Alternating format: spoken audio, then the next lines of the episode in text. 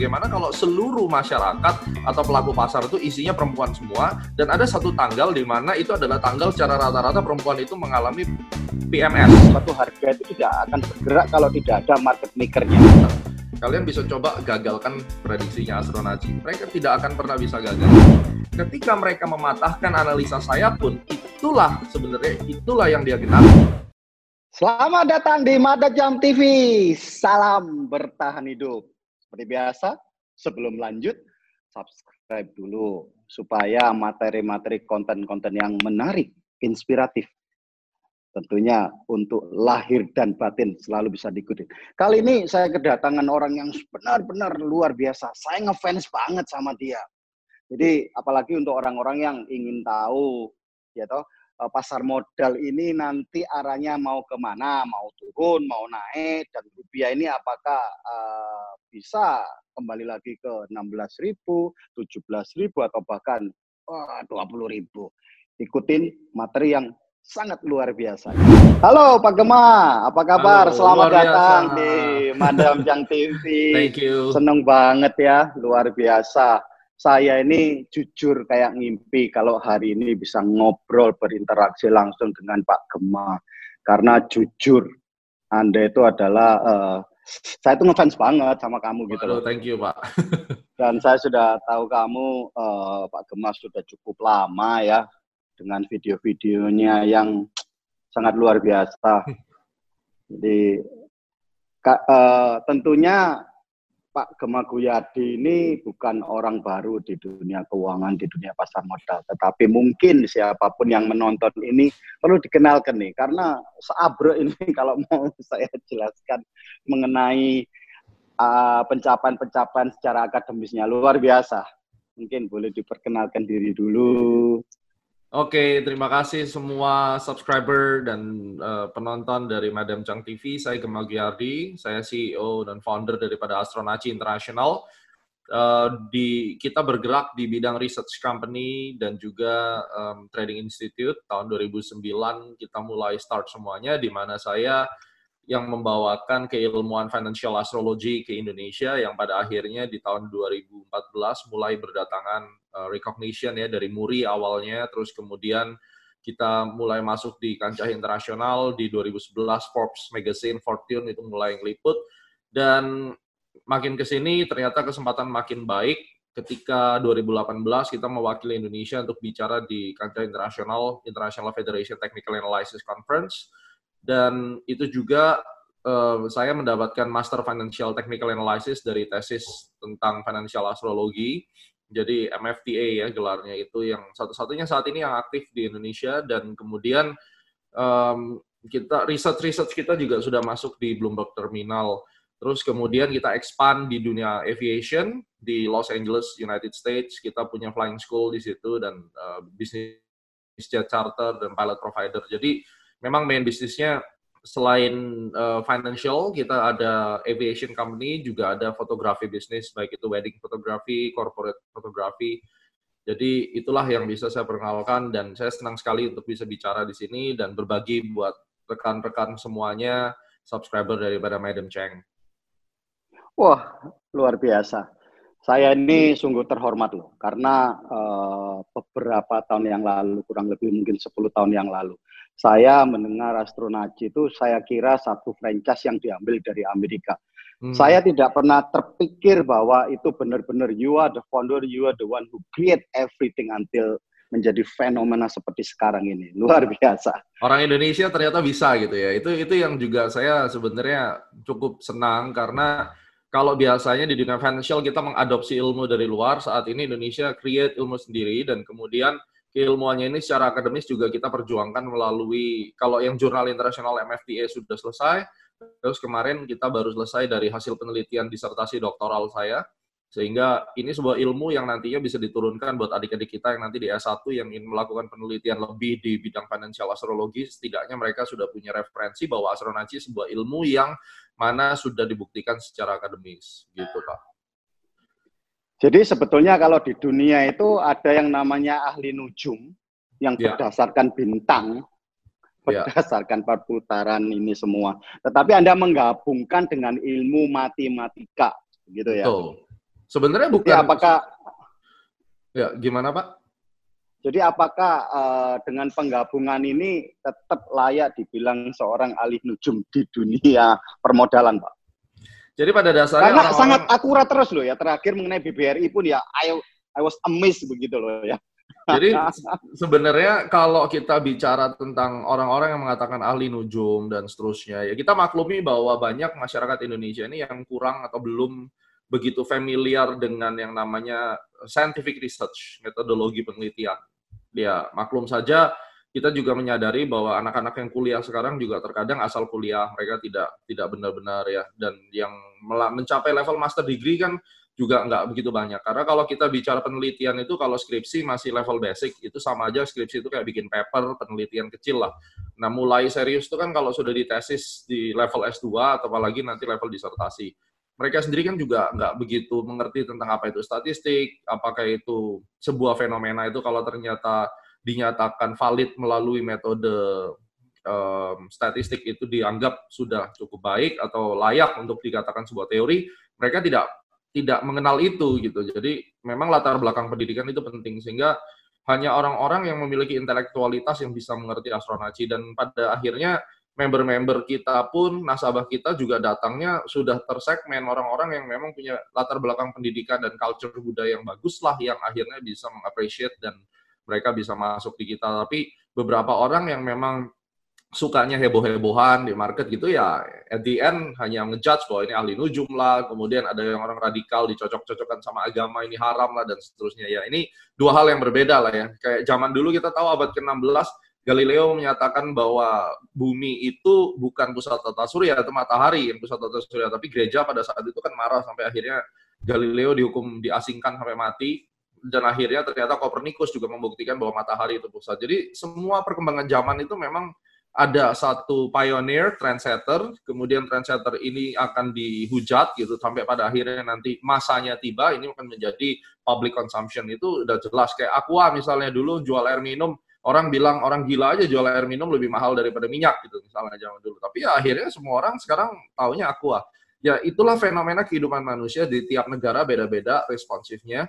Tapi kalau kita lihat memang negara-negara yang sudah cukup berkembang pun terkadang mereka juga agak sulit menerimanya. Skeptikalnya juga tinggi.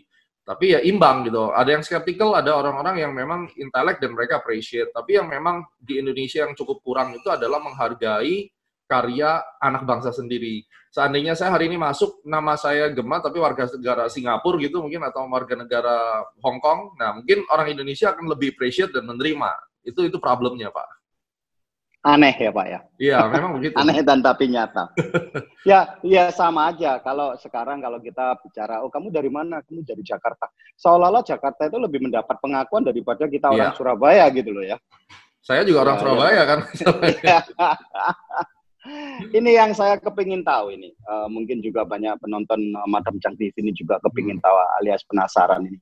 Apa hubungannya astrologi dengan ilmu matematika sehingga tanggal pun Anda bisa memprediksi. Karena begini ya, menurut saya kunci orang mau kaya, mau sukses dan berhasil di pasar modal itu kapan dia bisa jual di titik tertinggi dan beli di titik terendah mungkin ya lah. Tetapi Anda itu bisa berani memprediksi dengan precise ada yang namanya tanggal-tanggalnya kapan dia ya ya kapan dia bisa naik, kapan dia sudah mulai uh, turun gitu.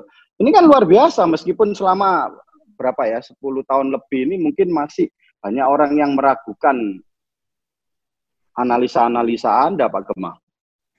Ya, jadi kalau kita bicara dari apa hubungannya? Jadi begini, market itu bergerak karena supply and demand, dan kemudian supply and demand itu di-drive oleh human expectation dan psychology. Itu adalah konsep awal yang harus diterima terlebih dahulu. Kalau ada yang orang bilang bahwa market naik turun itu bukan karena human psychology, itu udah jelas beda aliran ya. Jadi kalau kita percaya bahwa market itu di-drive oleh human psychology yang menyebabkan perbedaan ekspektasi dan sehingga ekspektasi tersebut menyebabkan perbedaan supply and demand, maka berikutnya kita akan bicara tentang faktor yang mempengaruhi psikologi itu apa. Nah, ternyata di dalam financial astrology ya itu uh, sudah dibuktikan ditemukan bahwa human psychology itu berhubungan erat dengan planetary movement. Kenapa demikian? planetary movement itu ternyata memiliki gelombang elektromagnetik yang secara langsung terhubung dengan frekuensi yang ada di otak manusia, di mana kita pada saat ini sedang berbicara, maka gelombang otak kita itu itu dalam kondisi beta ini subconscious mind. Jadi kalau misalnya Anda belum pernah tes gelombang otak, silakan Anda ke rumah sakit. Kalau di Surabaya mungkin di RKZ ada di uh, rumah sakit yang besar minta di uh, eh, EEG ya. Kalau ECG itu kan untuk jantung, ini EEG itu untuk otak. Ya, saya pernah tuh ditempelin semua. Jadi Anda akan lihat um, gelombang alfa, beta, tetanya normal atau tidak dan seterusnya. Nah, pada saat manusia itu mengambil sebuah keputusan, itu selalu bicara tentang pengambilan keputusan berdasarkan otak kiri atau otak kanan. Dan otak kiri itu yang bicara tentang logik dan seterusnya, otak kanan ini berbicara tentang intuisi. Dan semua pengambilan keputusan itu sebenarnya 90% didasari oleh subconscious mind. Nah, scientific research itu sudah meneliti bahwa memang ada pengaruh antara planetary cycle dengan human psychology yang akhirnya secara indirect itu berhubungan dengan financial market dari sisi astrologinya. Jadi tidak berhubungan secara langsung direct bahwa planet tertentu berhubungan dengan marketnya tidak, tetapi ada media perantara yakni investornya karena pelaku pasarnya itulah sebagai drivernya. Ya. Dan beberapa orang juga mengatakan bahwa ini kemungkinan adalah spurious correlation. Spurious correlation itu adalah sebuah korelasi yang seakan-akan selalu berulang tepat gitu, tapi ternyata tidak memiliki korelasi sama sekali atau bahkan ada satu hal yang tersembunyi yang sebenarnya terkorelasi. Cuma orang lihatnya dari sisi jauh. Contohnya, uh, ini saya sedikit contoh. Di desa itu lucu, setiap kali ada burung lewat, banyak tingkat kehamilan naik gitu. Akhirnya orang-orang berpikir bahwa ini dewa burung, dewa kehamilan atau dewa kesuburan menyamar jadi burung.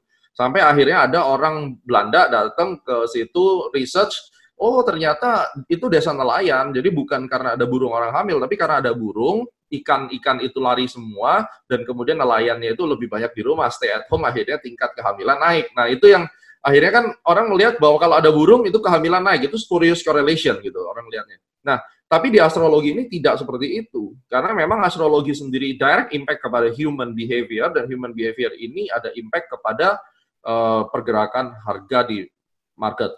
Nah, kemudian investor itu sangat terbiasa dengan support resistance. Hampir semua orang bisa menerima support resistance, tetapi aliran-aliran kayak fundamentalis yang radikal, mereka bahkan sangat menghina technical analysis gitu. Nah, tapi orang technical analysis sendiri, mereka cukup familiar dengan yang namanya support resistance. Harga. Mereka tidak sadar bahwa ternyata yang namanya grafik itu ada X, ada Y sumbunya. Kalau kita sekolah dulu kan kalau bikin grafik selalu ada vertikal, ada horizontal. Nah, kalau kita ya, bicara tentang ya. harga, ya betul. Kalau kita bicara tentang harga itu kan sebenarnya grafiknya untuk price ya, jadi vertikal. Horizontalnya sendiri nggak pernah orang bicarakan. Jadi ternyata ada support resisten dari sisi waktu. Nah, ini yang kita telusuri. Sebenarnya kalau kita bicara financial astrologi sendiri, itu hanya salah satu alat untuk mendeteksi time support resistant. Alat berikutnya adalah ya ada tentang cycle teori, ada quadratic cycle, ada business, uh, presidential cycle, ada yang eh, uh, 74 tahun cycle. Nah, itu semua tentang cycle teori. Kalian rekan-rekan yang nonton ini bisa saat ini googling saja tentang cycle teori. Nah, itu sudah ada. Nah, kenapa financial astrology itu bisa dipakai? Karena adanya fixed cycle dari beberapa planet tersebut. Ya, jadi pengulangan-pengulangan misalnya matahari setiap tahun itu kan 360 dia berputar ya, 360 hari atau 360 derajat dibagi 12 zodiak. Nah, itu kita teliti masing-masing pada saat matahari berada di zodiak tertentu, dampak buat manusia apa, buat marketnya apa, sehingga tiap market pun combination daripada planetarinya berbeda-beda. Yang lebih gampang lagi di, dicerna adalah misalnya begini, saya selalu mengajarkan pada murid-murid yang baru tentang financial astrology. Perempuan itu kita katakan mudi karena mereka setiap bulan itu selalu ada masa menstruasi gitu ya. Periodnya datang setiap 28 hari, ada yang 21 hari. Nah, pertanyaannya adalah kalau perempuan itu um, di dalam tubuhnya itu terjadi metabolisme perubahan sistem seperti itu dan membuat mudi, bagaimana kalau seluruh masyarakat atau pelaku pasar itu isinya perempuan semua dan ada satu tanggal di mana itu adalah tanggal secara rata-rata perempuan itu mengalami PMS ya premenstruation ya. Maka labil dong gitu. Psikologinya labil dan mereka akan mengambil keputusan dengan totally emotion tanpa berpikir logik. Nah dari situ saja kita sudah bicara tentang cycle. Lalu kemudian kita tahu bahwa tubuh manusia itu 74% adalah cairan. Ya, kita tuh cairan.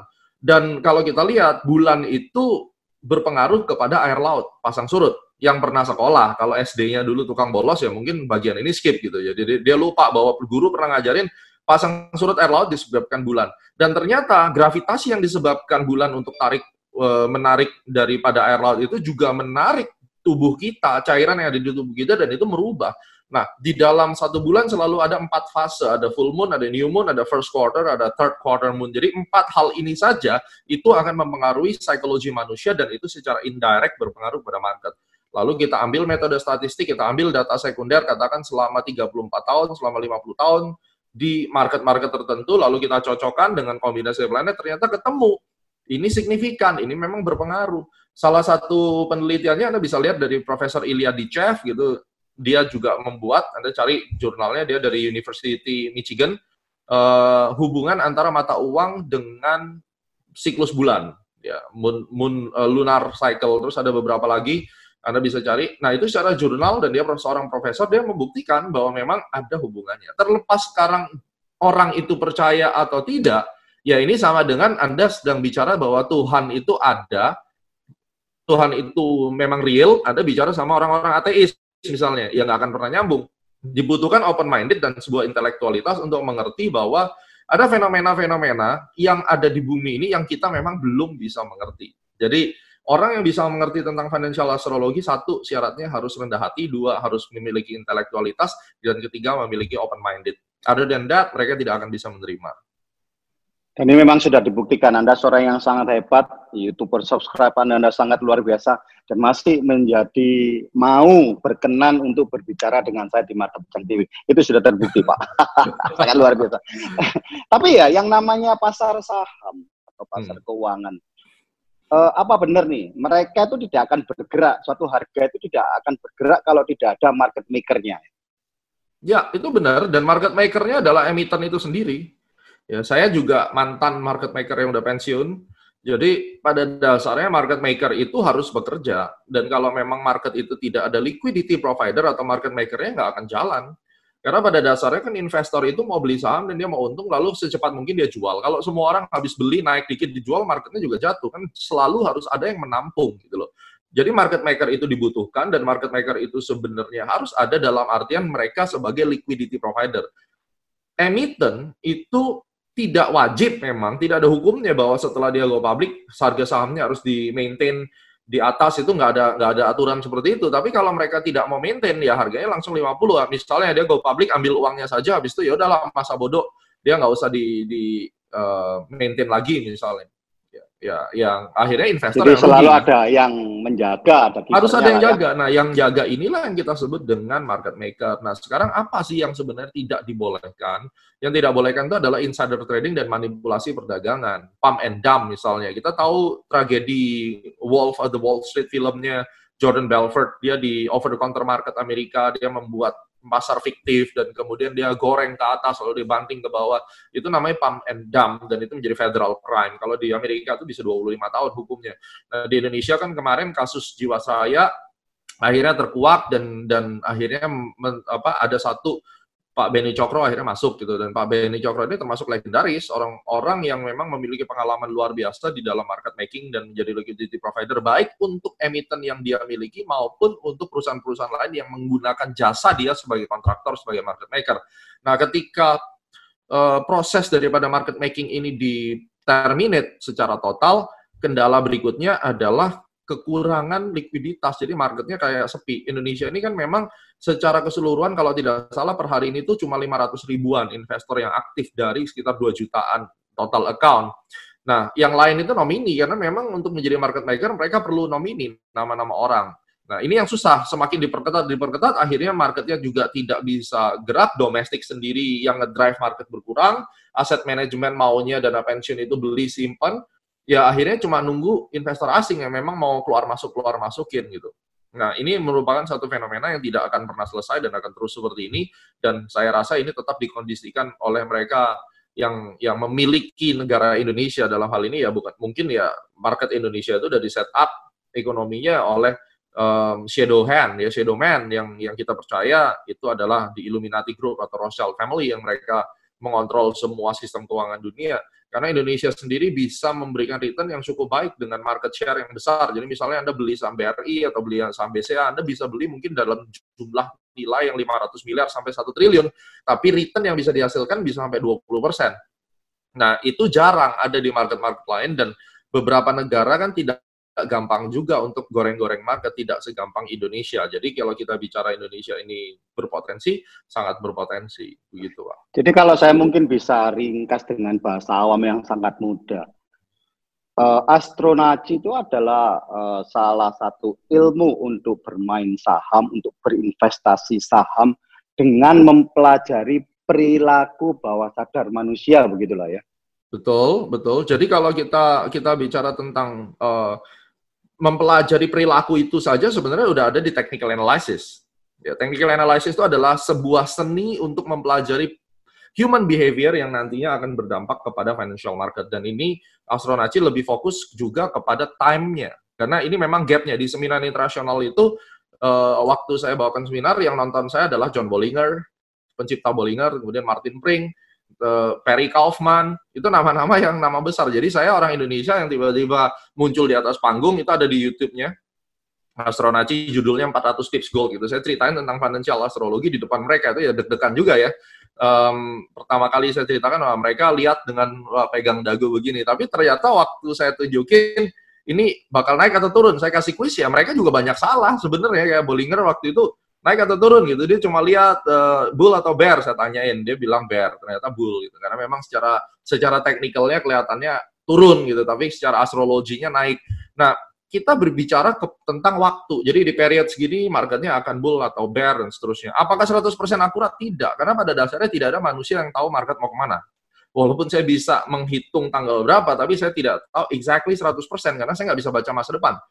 Masa depan itu sudah ada sudah tercipta masa depan itu. Karena bagi saya, kalau tidak ada masa depan yang sudah digariskan, maka ilmu analisa apa pun tidak akan bisa mempredik apa yang akan terjadi di depan. Karena memang tidak pernah ada masa depan itu. Nah, kita ini sebagai manusia memiliki keterbatasan untuk bisa melihat the future satu persatu. Sehingga yang kita dapatkan itu gambaran seperti kabur gitu ya. Selalu ada option dan kita memperkecil optionnya. Nah, Astronaci bisa digunakan untuk semua market, baik itu forex, eh, saham, komoditi dan seterusnya. Jadi itu, itu logik berpikirnya seperti itu, Pak. Kalau di dalam pasar saham itu ada orang menjual dan ada orang membeli. Biasanya yang beli duluan itu kan mempunyai advantage ketika itu arahnya ke atas tentunya kan. Nah, pernah enggak ya eh, terjadi seperti ini misalkan, wah kalau ini saya sudah diprediksi oleh astronaci tanggal berapa mau naik, tapi kan ada ini namanya market maker. Nah, mungkin tidak sejalan dengan Anda yang ingin memang ingin berlawanan dengan Anda. Mm-hmm. Dan kemudian berdasarkan analisa itu kebetulan ya ya saya dam aja share saya begitu loh. Mm-hmm. Mumpung ada yang memprediksi akan ambil posisi long begitu ya. Ya. Ini bagus sekali pertanyaannya dan dan kalian harus dengar baik-baik. Ini pertanyaan yang sangat make sense dan selalu orang tanyakan. Dan saya pernah nantang bandar di TV, saya bilang uh, di TV dan di seminar. Kalau di sini ada yang bandar atau market maker tanpa mengurangi rasa hormat. Kalian bisa coba gagalkan prediksinya Astronaci. Mereka tidak akan pernah bisa gagalkan. Dan apalagi kalau saya bilang analisanya itu di IHSG. Siapa yang bisa kontrol IHSG secara exact? Nah, ini memiliki filosofi yang mendalam. Jadi begini, yang diprediksi Astronaci itu adalah cycle, ya dan cycle atau siklus daripada pergerakan harga yang tentunya akan terjadi secara natural. Jadi kalau kita bicara dari technical analysis itu sendiri, pada saat Anda mendalami tentang keilmuan ini, Anda akan tahu bahwa segala sesuatu yang terjadi di market itu sudah digambarkan dan grafik itu bisa membaca pola behavior yang akan terjadi. Ya, jadi seperti kalau kita bicara masa depan itu sudah ditentukan, seperti tadi saya ulangin sedikit, dan kita mencoba menggambarnya dengan technical analysis itu sesuai dengan prinsip utama bahwa market action discount everything. Apa pun rencana Anda, Anda mau gagalkan mau apa, tapi jari kita nggak bisa bohong. Pada saat mereka mau ngeklik buy, ya mereka akan klik buy gitu, dan kita akan detect itu di situ. Demikian juga dengan time. Kalau kita sudah tentukan tanggal berapa based on cycle, mau bagaimanapun mereka menggagalkan itu, mereka tidak akan bisa gagalkan. Kenapa? Karena yang namanya market maker itu adalah pelengkap penderita sebagai penggenap rencana secara keseluruhan. Dan ini rencana bukan rencana dia, tapi rencana the mother, the mother nature plan bahwa tanggal segini kita akan pergi ke mall misalnya. Itu kan kalau kita bicara tentang predestinasi, ya kita udah ditetapkan tanggal segitu. Kalau mungkin gampangnya ngomong takdir gitu, ya. Nah, yang kita lihat itu adalah dari cycle ini bahwa tanggal 24 Maret indeks itu akan bottom.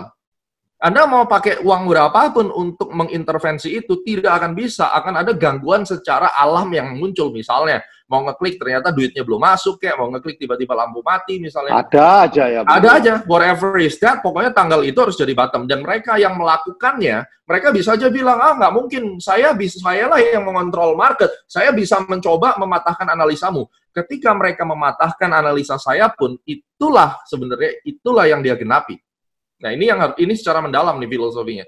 Semua yang mereka secara tidak sadar dia dia ya. merupakan bagian penggenapan dari masa depan itu sendiri Betul, sebetulnya. Itu ya. dia. Nah, ini ini yang penting. Penggagalannya itu ya. Iya, mau dia gagalin, mau dia berhasil, mereka lah otoritas utama yang menjadi driver untuk melakukan itu. Makanya ada satu film yang menarik judulnya Adjustment Brow itu. Itu perlu dilihat bahwa kalau di film itu agak lucu sih, dia mencoba menentukan destininya sendiri di dalam film itu bisa gitu menentukan pada akhirnya ending of di, dari dari akhir filmnya. Tapi kalau di dalam kehidupan kita kita percaya bahwa destinasi kita sudah ditentukan dan siapa pun yang melakukan itu nantinya dialah penggenap cerita itu. Jadi begitu, Pak. Kalau dulu itu mungkin ya, lima, uh, mungkin 10 tahun yang lalu akan banyak orang yang akan berusaha mengagalkan. Kalau sekarang dengan nama besar astrologi, masih masih ada tah orang yang mau nantang begitu. Ya, astronaci coba mengambil posisi yang berbeda lah artinya begitu. Pada dasarnya astronaci itu belum besar dan mereka juga mengabaikan. Ya, waktu astronaci bilang tanggal berapa ya bagi mereka ya kebetulan gitu. Jadi either mereka bilang kebetulan atau mereka nganggap saya omong kosong, ya bagi saya nggak masalah gitu. Dan mereka juga punya rencana di luar ini. Mungkin suatu ketika ada yang datang ke saya, tolong liatin the next cycle bottomnya sebenarnya tanggal berapa, supaya mereka tidak sembarangan masuk ke market. Itu bisa terjadi. Misalnya kalau kita katakan the next bottom tanggal 24 misalnya. Jadi ya dia nggak akan capek-capek untuk menahan penurunan tanggal 22 dia beli, 23 dia beli, mungkin dia biarin aja jatuh gitu sampai tanggal 24 baru dia masuk. Nah, itu bisa disinergikan mungkin ke depannya. Tapi kalau bela-belain mereka akan nantang astronaci saya rasa enggak ya. Yang yang selalu berisik uh, menjadi oposisi astronaci itu kan satu kompetitor udah pasti ya kan? Ya paling juga perusahaan sejenis atau trainer-trainer itu.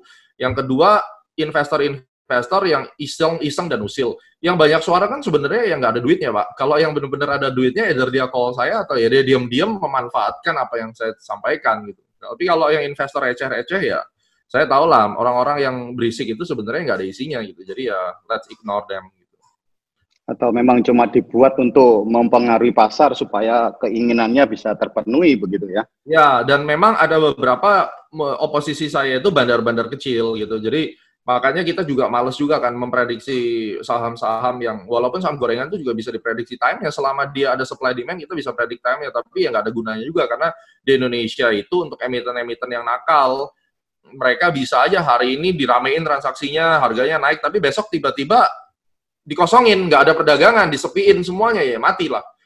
Dan kita juga susah, saya belum tahu caranya gimana mempredik saham yang 50 nanti tiba-tiba bisa meledak naik. Jadi prinsipnya saya butuh terjadinya supply and demand terlebih dahulu, terjadinya market uh, activity baru kita bisa predik. Ingat karena prinsip dari financial astrology adalah human behavior-nya. Kalau tidak ada human behavior-nya nggak bisa. Pertanyaan berikutnya yang menantang saya justru saya tertarik adalah kalau seandainya 10 tahun ke depan, artificial intelligence itu sudah mengambil peranan penting di financial market, kalau sekarang sudah mulai ada uh, algorithm trading misalnya, um, apakah astronaci itu masih akan bisa bekerja? Nah, ini ini pertanyaan yang menurut saya lebih lebih patut kita perhatikan. Bagaimana kalau semua yang kerja adalah robot dan bukan lagi manusia? Apa saya bilang? Ilmunya, insight-nya semua sungguh luar biasa saking hebatnya satu sesi tidak cukup. Jangan lupa kita lanjut sesi yang kedua, tetapi saya ingatkan lagi subscribe dulu. Salam bertahan hidup untuk Anda.